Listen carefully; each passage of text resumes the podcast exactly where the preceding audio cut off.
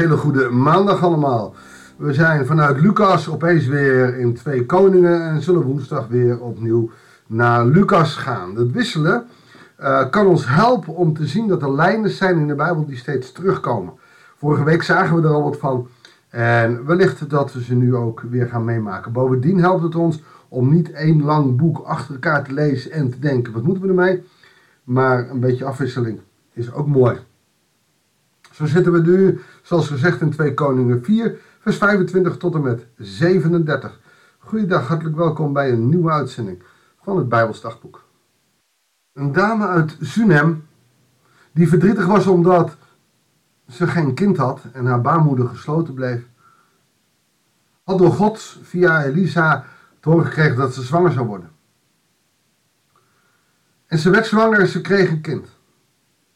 Op een bepaald moment wordt het kind doodziek. Het grijpt naar zijn hoofd, au mijn hoofd, au mijn hoofd. En de moeder heeft door dat het niet goed gaat.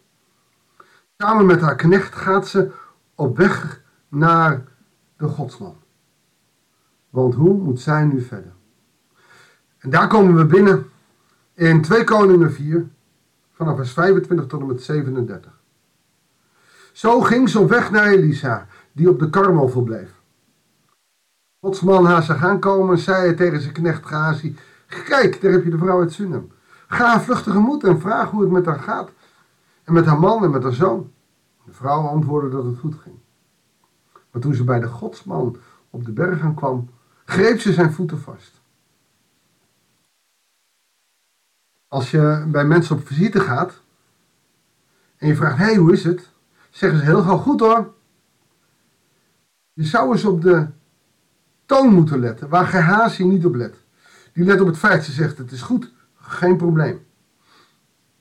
Dus we zien dus, als deze vrouw straks aan zijn voeten komt, wil Gehazi haar wegjagen.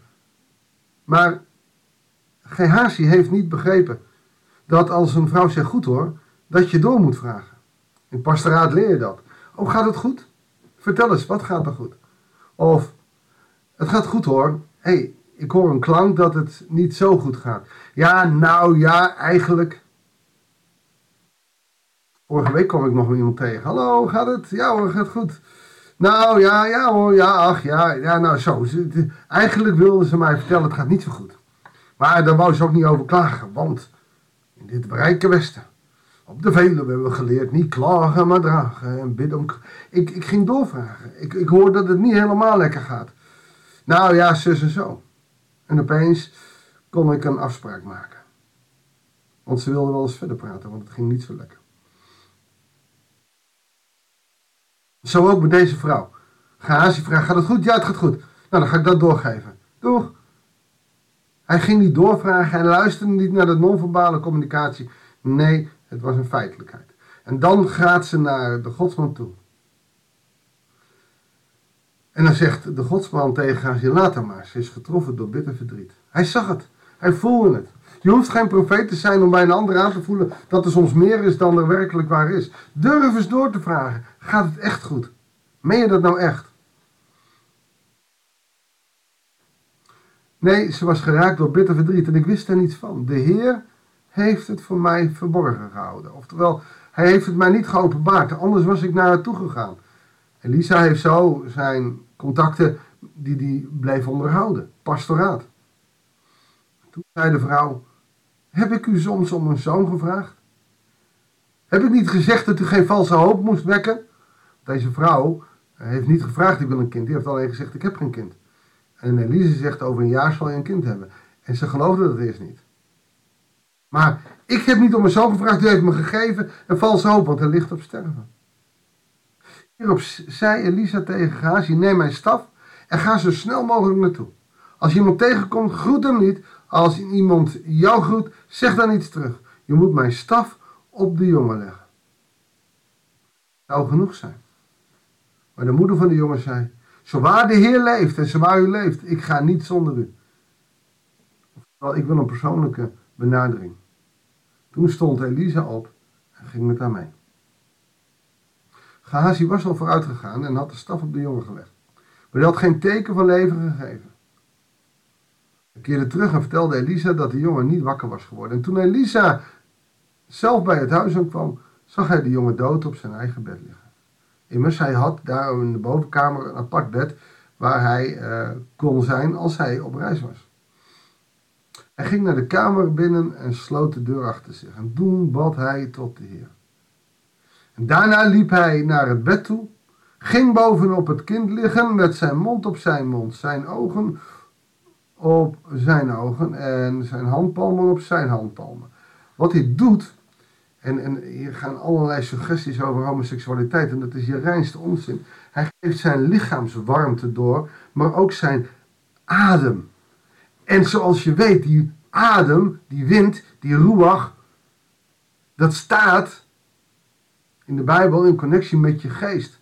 Hij geeft de geest door, opnieuw aan deze jongen. Zo bleef hij over het kind uitgestrekt liggen tot het lichaam weer warm werd. Dus hij geeft zowel fysiek de warmte, want een dood lichaam is afgekoeld. Hij geeft menselijke warmte. Nou, je hebt wel eens films gezien of dingen gehoord. Als je in ijzerlijk uh, gebied bent en je wordt niet warm. Twee naakte lichamen zullen elkaar beter verwarmen dan uh, dekens of soms jassen. Als, als iemand onderkoeld is, kun je het beste een naakt lichaam er tegen. Want die 37 graden die dan overgaat, huid op huid, werkt sneller dan een koude deken. Zo bleef Elisa over het kind uitgestrekt liggen tot het lichaam weer warm was. En toen kwam hij overeind, liep door de kamer heen en weer en strekte zich nogmaals over het kind uit. Uiteindelijk nieste de jongen wel zeven keer en opende de ogen. God heeft door deze symbolische aard de, de jongen weer tot leven laten wekken. Huid op huid, dat betekent menselijke warmte. Je zou kunnen zeggen, Wanneer heb jij voor het laatst iemand een knuffel gegeven? Liefdevolle knuffel. En dat niks seksistisch. Er zijn ook mannen die ik een huk geef. Dat is niks niet erg. Dat is, dat is die menselijke warmte. Even elkaars lichaam voelen. Zonder dat daar een gevoel van opwinding of zo bij komt. Maar wel dat er lichamelijk contact is. En die geest doorgeven.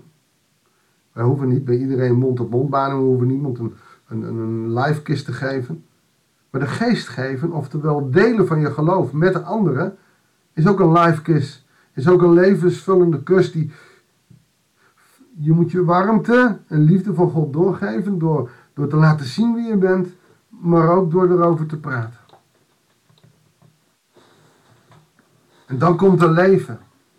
Misschien niet letterlijk zoals wij ons dat nu voorzien, maar er komt leven. De moeder wordt geroepen. En Gehazi waarschuwde haar. Toen ze boven kwam, zei Elisa, u kunt uw zoon meenemen. Heel zakelijk, maar ook heel kort en krachtig. De vrouw kwam een kamer binnen, viel aan Elisa's voeten neer en boog diep voorover. Ja, Elisa, de voeten van Elisa, dank ze God. Toen nam ze haar zoon op en ging de kamer uit. Wat een verhaal. Wat leren we veel? Doorvragen. Niet accepteren als iemand zegt, oh goed hoor. Heel vaak zit er een verhaal. En als je bij het goed blijft, vraag dan eens door van, joh, wat gaat er dan goed? Heb eens interesse voor de ander dan kom je achter het verhaal van de anderen. En als je dan een huk geeft en voor die mensen bent, zowel fysiek, maar ook geestelijk. Als je jouw geloof kan delen, door kan geven, dan kun je mensen redden. Het is niet alleen maar het wonder hier van een kind dat opstaat. Nee, jij kan het wonder zijn door voor een ander te zijn. Hoe is het met je? Gaat het echt goed met je? En wat gaat er dan goed of wat gaat er niet goed? Luisterend oor. Geef die knuffel, of dat nou fysiek is of geestelijk. Maar zorg dat je er bent. Heb oog voor de ander. Zeg desnoods, ik hoor je. Ik zie je verdriet. Ik zie je pijn. Daar begint de genezing. Je hoeft het niet op te lossen. Erken het. Ga niet denken, ah joh, kom op, eh, er zijn uh, ergere dingen. Nee, luister. Hoor naar de ander. En deel, deel de liefde. Niet de bijbelteksten om een hoofd slingeren. Hooguit dat je zegt, joh, toen ik in de put zat, had ik heel veel in deze tekst, die geef ik in jou mee. Of een bijbeltekst kan ik je niet geven. Ik weet het zo 1, 2, 3 niet. Maar ik weet wel dat God beloofd heeft er altijd bij te zijn, ook met jou. Alleen al doordat jij het zegt, voelt de ander dat God er heel dichtbij is. Wees God voor die ander. Dien de ander, zoals Christus jou heeft gediend. Hou het niet voor jezelf, maar deel het. Er zullen wonderen gebeuren en mensen genezen. Zullen we daarvoor danken? Heer God, zo mogen we deze week beginnen met een prachtig mooi wonderverhaal. Een wonderverhaal wat niet ver van ons hoeft te staan, maar wat veel dichterbij komt als we het op onze eigen manier werkelijkheid maken in ons leven. Heer wil ons door de kracht van uw geest helpen om die werkelijkheid dan ook te maken. Om de wereld iets mooier te laten maken door wie wij zijn. Wilt u dat doen? Dat bidden we u. In Jezus. Amen. Dankjewel voor het luisteren. Ik wens je God zegen en heel graag tot de volgende uitzending van het Bijbelsdagboek.